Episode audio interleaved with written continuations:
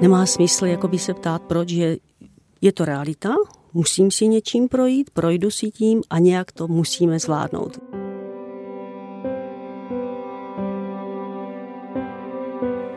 Moc vás zdravím, vážení posluchači.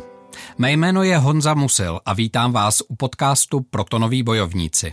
Jedná se o společný projekt Seznamu a Protonového centra, který má obrovský úkol ukázat, že s nemocí se musí bojovat a že se dá vyhrát. Představím vám zajímavé hosty, kteří se s rakovinou utkali. Někteří jako pacienti, někteří jako lékaři a další stáli nemocným po boku, i když přišly těžké chvíle. Ale už nyní vám můžu říct jedno. Odhodlání pustit se do léčby, naděje a láska k životu, to nechybí žádnému z nich. Tak se pojďme dát do toho. Věra Bajajová, která přijala pozvání na dnešní povídání, pochází ze Slovácka. V době, kdy její přátelé zdobili vánoční stromeček a připravovali bramborový salát, jí lékaři oznámili, že trpí rakovinou čichového věmu. Onemocněním, které postihne jednoho z milionů. Věra se ale netrápila otázkou, proč ona má takovou smůlu. Začala se soustředit na to pozitivní v životě a i díky pomoci od své rodiny nemoc překonala.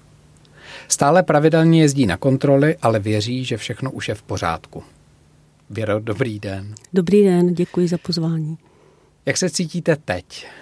Momentálně trošičku nervózní možná. Takže tréma. Trošku. Naše podcasty nejsou bolavé, to nakonec zjistíte, že to bude jako kdyby jsme se znali roky. Na druhé straně léta uplynula i od té chvíle, kdy jste se dozvěděla svoji diagnózu. Já vím, že začínám přímo z hurta, ale než se dotknu vaší diagnózy, tak eh, se dotknu vaší rodiny a vy asi víte, kam mířím, protože setkání s rakovinou u vás bylo už dříve v souvislosti s vaší dcerou. Ano. Mohu se zeptat eh, na věm, který má maminka, když jí vlastní dítě onemocní? No, ono to ani ty pocity nejde moc popsat, ale člověk ví, že když něco takového přišlo, že musí s tím nějak pracovat a zapomene sám na sebe a opravdu je tady pro tu dceru a snaží se jí co nejvíc pomoct a usnadnit ní všechno. Je tato zkušenost lehčí potom pro vlastní prožitek, pro to, kdy se člověk dozví, že sám onemocněl? Myslím, že ano, že určitě bych řekla, že to je snažší, že už tak trošku, eh, i když nejde to říct úplně, ale už tak trošku jsme věděli, pak když jsem onemocněla já, eh, co může být, nebo co, co budeme procházet, co může následovat. Teď se dostanu k vám, protože vaše onemocnění, a teď nemyslím zrovna sdělení diagnozy, k tomu se dostanu, protože to je taková řekl bych, lidská bolístka na druhou, ale vůbec to, kdy člověk onemocní. E, tam je strašně zajímavý, že u vás to začalo všechno banální rýmou, takhle to mám říct? Ano, přesně. Začalo to banální rýmou, když jsem tomu nejprve nepřikládala žádný význam, ale pak začalo takové tlak v levém uchu a to už jsem si říkala, asi něco se děje, tak jsem šla k panu doktorovi, panu doktoru Vlachyňskému, kterého musím hodně vyzvihnout a ten mi odstranil právě po nějaké léčbě polip a pak vlastně to přišlo, výsledky histologie. To znamená polip šel na histologii. Ano, ano. Mhm. No a teď se dostávám k tomu kýženému dni. 23. prosinec Přesně tak. 2019. Přesně tak to bylo. Den před štědrým dnem. Proč den před štědrým dnem? Já se, já se teď ptám možná hloupě, ale proč jde člověk na kontrolu den před štědrým dnem? Proč to hmm. neodloží? Ano, protože jsem takový poctivý pacient a měla jsem tu kontrolu plánovanou na 23. tak jsem to si řekla, že ne, nebudu to odkládat a půjdu. Což jsem netušila, co bude následovat. No. Jinými slovy, kdyby člověk věděl, tak Přesně to tak. po Vánocích. Je Přesně tak? tak. Ono na druhé straně se říká, že některé věci nepodléhají dnům nebo svátkům, spíše to o náladě v rodině, protože to člověka asi zasáhne. Vy jste říkala, že váš pan doktor, když vám sděloval diagnózu, tak byl velice, velice šetrný. Přesně tak. Pan doktor, musím ho opravdu vyzvihnout, byl velmi lidský a to slovo rakovina tam nepadlo. Řekl pouze, že mám nějakou zácnou diagnózu, pojmenoval ji, ale že se to musí došetřit a všechno bude dobré a že si mám prožít pěkné Vánoce. A protože já panu doktoru Vlachinskému bezmezně věřím, tak jinak tomu nebylo ani v tom případě právě před tím štědrým dnem. No, jako zeptala jsem se, jak moc je to vážné a řekl, nebojte, bude to dobré, domluvíme magnetickou rezonanci po Vánocích a uvidíme, co dál. Teď si prožijte pěkné Vánoce.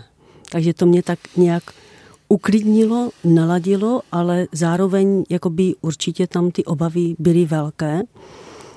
A já jsem přišla domů, mm, začala jsem něco, že takhle chystat na Vánoce a pak večer jsem jenom otevřela internet, podívala se na tu svoji diagnózu a rychle jsem zaklapla a řekla jsem si už, už ne. Jakoby, že nebudu se vůbec teď tím trápit, soustředit a nechám všechno po Vánocích.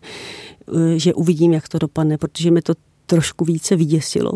Nebo ta, tahle diagnóza, to je jakoby velmi vzácná a ojedinělá. Ani ne jeden člověk z milionů právě ji onemocní, takže No, víc jsem se nad tím nechtěla, jako by v té době, nechtěla jsem si kazit Vánoce, tak jsme to pěkně prožili s rodinou. Kdybych to vzal laicky, co ta diagnoza vlastně obnáší? Co to vlastně je za onemocnění, když si člověk vezme rýmu, polip v uchu, histologie, No, je to extrémně vzácné onemocnění, které e, právě mně to bylo objeveno v začátku, ale ono, když je to jakoby už pokročilejším stádiu, tak se tam přidávají jakoby různé věci, že třeba se člověk už špatně dýchá, anebo má závratě, nebo e, teče, nebo mu právě krvácí jakoby z nosu a já jsem žádné takové jakoby příznaky neměla. Takže i to, že se na to vůbec jakoby přišlo, tak e, pak v Praze, kde jsem byla operovaná, tak opravdu jako posílali na Moravu velký obdiv, že se na to takhle přišlo. Že se na to přišlo takhle, ano, takhle ano, brzy. ano, ano. Jedna z milionů. Člověk si říká, nebo já bych si řekl, proč zrovna já. Vy jste si to nikdy neřekla? No, v té době určitě ne, protože opravdu jakoby ještě dcera měla před sebou e, ozařování, já jsem pak měla následně operaci, takže ono tam ani moc toho prostoru nebylo a asi jsem si to i zakázala, protože viděla jsem, že slovo proč nemá jakoby význam, že nemá smysl jakoby se ptát proč, že je to realita, musím si něčím projít, projdu si tím a nějak to musíme zvládnout s celou rodinou. vám stejně nikdo nedal. Přesně tak, přesně tak. tak.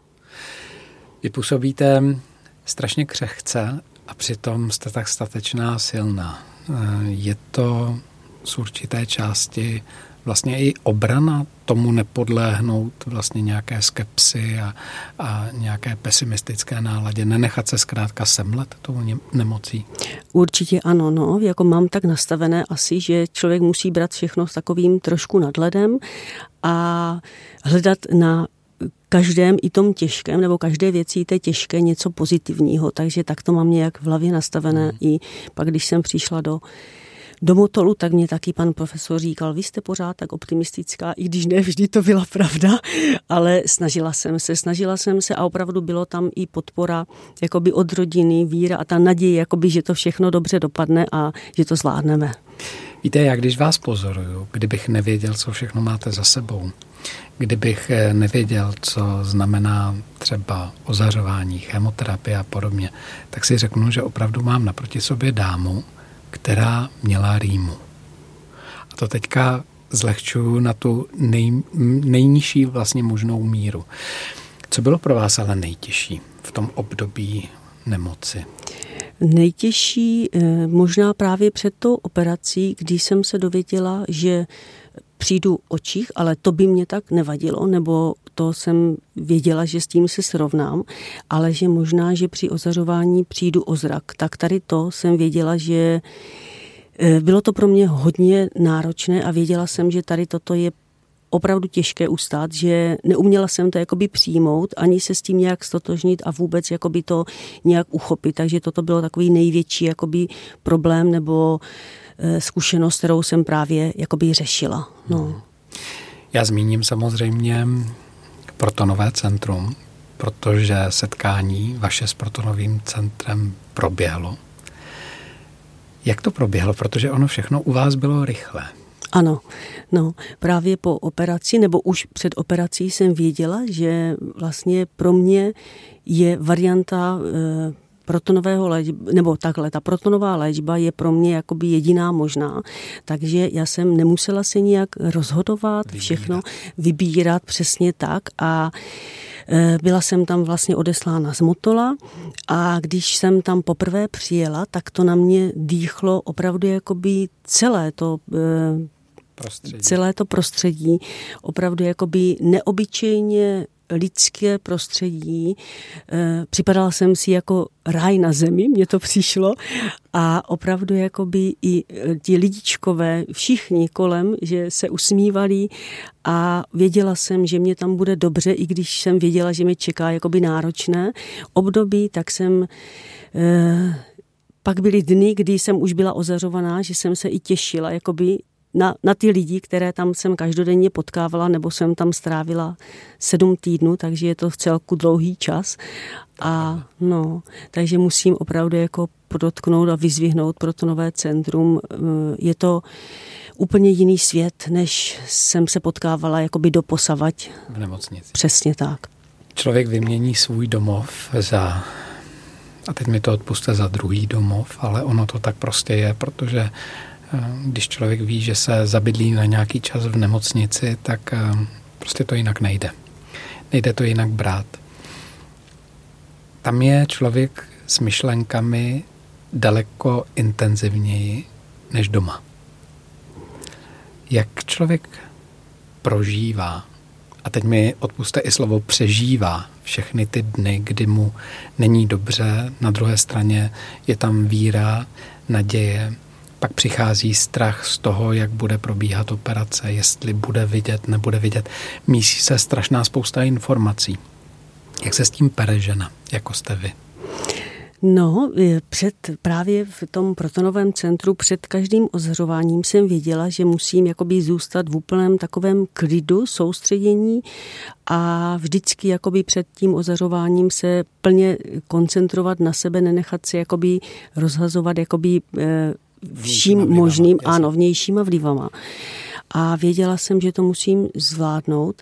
Hodně jsem, nebyla jsem v nemocnici, ale měli jsme právě domluveno ubytování přes mm, protonové centrum. Ano. Takže jsem i, když bylo možné a když mě síly dovolili, tak jsem chodila hodně ven do přírody a to mi taky hodně pomáhalo. Hmm. Tak, Čerpat energii. Přesně tak. Hmm. Slovíčko energie by se dalo skloňovat v mnoha ohledech, protože člověk má velký výdej energie pro to, aby se uzdravil, ale zároveň tu energii potřebuje někde dostávat. Kde jste ji dostávala? Byli to nejbližší, byla to rodina? Určitě byli to nejbližší, byl to manžel, syn, dcera a blízká rodina a rodina, kterou máme velkou a hodně přátel. Bylo to neskutečné množství lidí a díky nim jsem dostávala, eh, i když, i když přesto všechno těžké, jako by taková zkušenost eh, vlastní, že i přesto těžké tu silu dostanete, aniž byste věděla jak, tak cítíte prostě neskutečnou, nepopsatelnou sílu a víte, že všechno zvládáte. Zvládnete. Když si člověk vším projde, potom se vrátí domů, jaké to je vrátit se do klidu na Moravské Slovácko mezi, a teď nechci říct jenom rodinu, ale i mezi věci, mezi místa, která vlastně má rád. Eh, já to teďka beru trošičku nadhledově, ale uvědomuje si člověk ten svůj návrat? Určitě ano, určitě ano. Byla to taková euforie, když jsem se vracela domů a opravdu jakoby ten život nebo celkově přehodnotíte a úplně jakákoliv maličkost, jakákoliv maličká radost toho dne vám eh, ten život udělá krásnější, cítíte se dobře doma a Uh, Užíváte si maličkosti. Přesně tak, je, přesně je to tak. také, já třeba, když vezmu zahradu, protože vy máte velkou zahradu, eh, pěstujete zeleninu, brambory, kytičky, prostě úplně všechno. Uvědomuje si člověk i tady ty maličkosti, že je vlastně rád, že to všechno je, že to vnímá jinak? Určitě, určitě to, že jsem o zrak nepřišla, že to všechno dobře dopadlo, tak to bylo pro mě, nebo je to pro mě každý den, jako by, eh, když si na to vzpomenu, takže se můžu ráno probudit, eh, vidím východ slunce, vidím opravdu jako všechno kolem sebe a takže to poznání je eh, nepopsatelné. Některé ty pocity jsou nezdělitelné a nepřenosné, no, ale je to, je to určitě krásný návrat.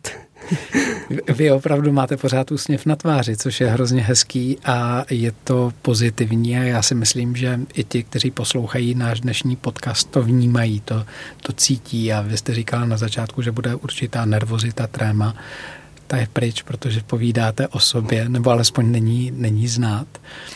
Věruško, člověk, když překoná to nejhorší, když zjistí, že se všechno podařilo, že vidí, že bude jezdit na kontroly. Jaké to je, když se jezdí na kontroly?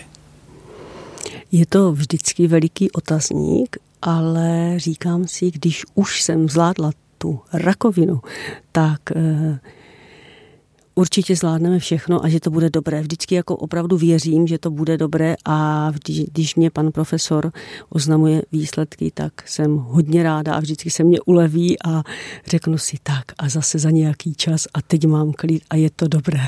Jasně. Um, slovo rýma je pro vás vlastně takovou velkou, nebo vůbec diagnoza rýma, onemocnění rýmou je pro vás vlastně, myslím si, styčený prst Měla jste od té doby někdy rýmu? No, já jsem se toho právě, to byla doba covidu, kdy jsem byla, jako probíhala léčba, takže opravdu jsem se bála popravdě docela dost jakéhokoliv nachlazení, nebo nevěděla jsem, co to může v tom přestavěném nose jakoby způsobit, takže hodně jsem se chránila a e, no, jakákoliv i malá rýma jako opravdu mě způsobuje problémy, takže hmm. musím se jakoby více toho vyvarovat a více hlídat. Více hlídat, ano. Ještě něco, co vám lékaři doporučují, co třeba nemůžete, nebo naopak byste měla probíhají určité nebo každodenní procedury, které musím dělat ohledně nosu, očí. Nemám teda čích, tak to je takový další, mm, je to určitě handicap, ale dá se s tím žít. Je to eh, v svém slova smyslu, že jsme se bavili právě nedávno s panem profesorem, že každý ten smysl jakoby člověk potřebuje a který nemá, tak opravdu chybí. Takže to vnímám takový, jako takový můj eh, handicap, nebo myslím si, že jsem měla předtím hodně vyvinutý čích a je to pro mě jakoby někdy těžké, ano, že nějaké vůně, prostě už si některé vůně ani nepamatuju, ale určitě se dá s tím žít. A mám omezení vlastně s očima, že mě slzí oči, bolí mě e, jakákoliv únava se první přenáší do očí, takže to je takový problém, který mě trápí a bude trápit asi jakoby už celoživotně, ale ze vším se dá žít, určitě ano. Když vezmu oči, tak eh, znamená to, že se musíte víc hlídat, abyste nepracovala třeba dlouho s počítačem, Přesně s tak. telefonem, knihy třeba nečíst moc na Přesně tak, no musím, ulevovat. Ano, ano, musím ulevovat očím, co jde. No i nějakou takovou drobnou práci, tak aby se mě nerozostřoval zrak, tak hmm. musím si to hlídat. Já jsem si umyslně nechával eh, vlastně až do té druhé části ten čich. Vy jste mě malinko předběhla, ale já toho využiju a zneužiju. Já si neumím představit, byť člověk ví, že existují lidé nevidomí, neslyšící, prostě čich.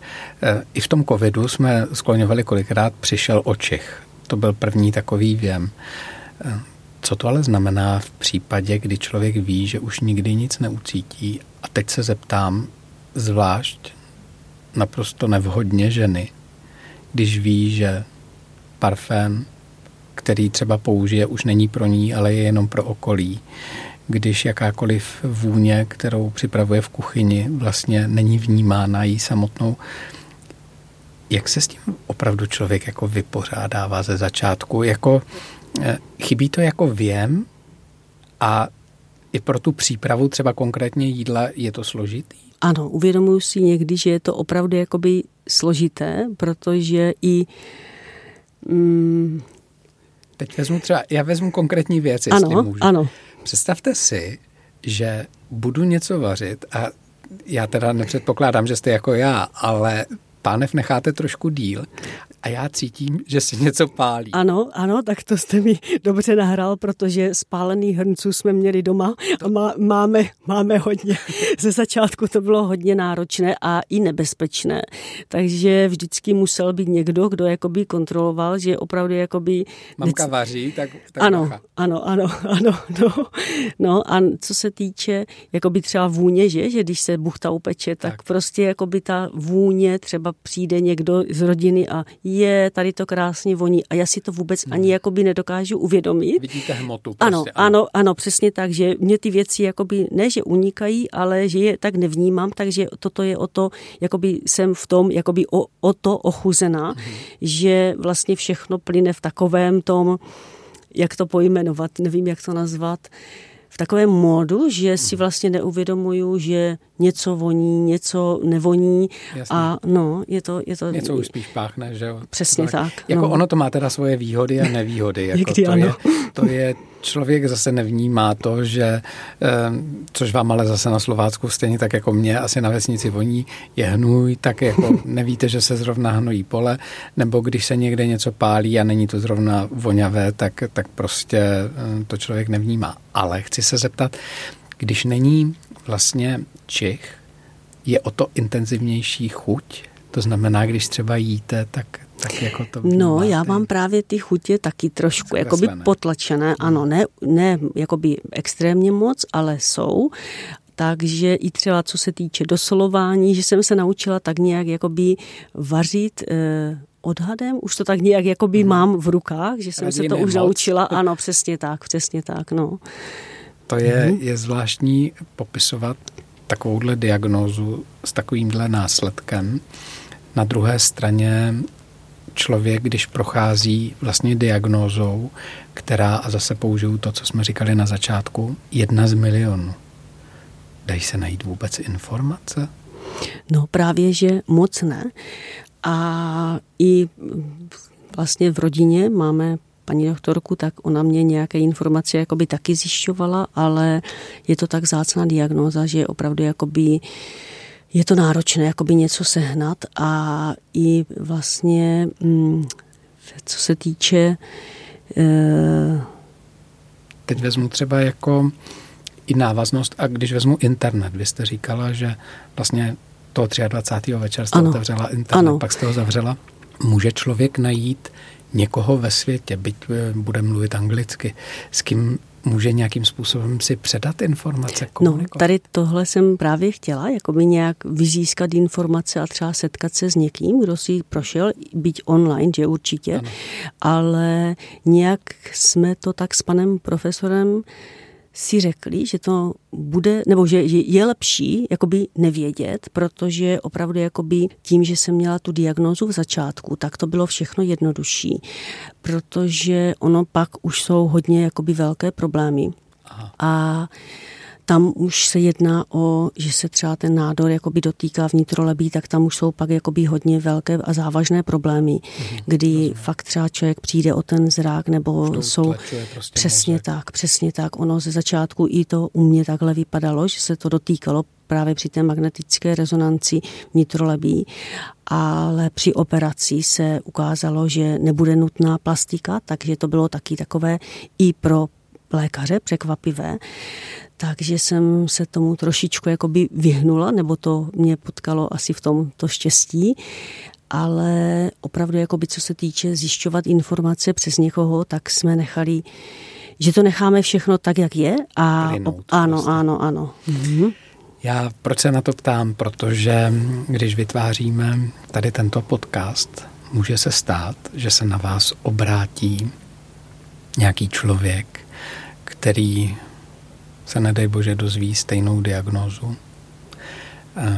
Jste připravena předávat informace, mluvit o tom? Vy jste řekla takovou hezkou větu, jestli to má pomoci jednomu člověku, takže do toho jdete? Určitě ano, určitě. Jestli ano, kdyby to mělo pomoct jen jednomu, tak určitě ráda informace předám. A co bych chtěla určitě říct, nebojte se nebo neohledejte se jít s jakoukoliv banalitou, což mě přišlo taky.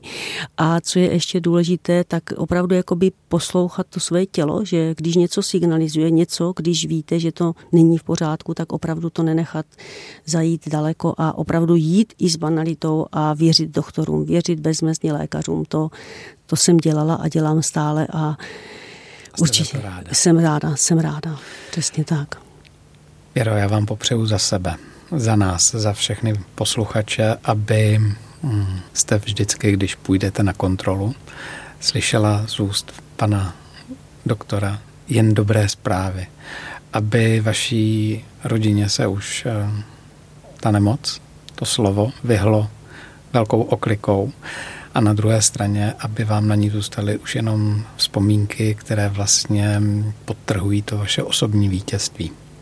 Popřeju vám zdraví, štěstí, lásku a samozřejmě, ať se vám krásně žije u vás na Slovácku. Děkuji moc, děkuji za pozvání. A s vámi se loučím, mějte se moc hezky.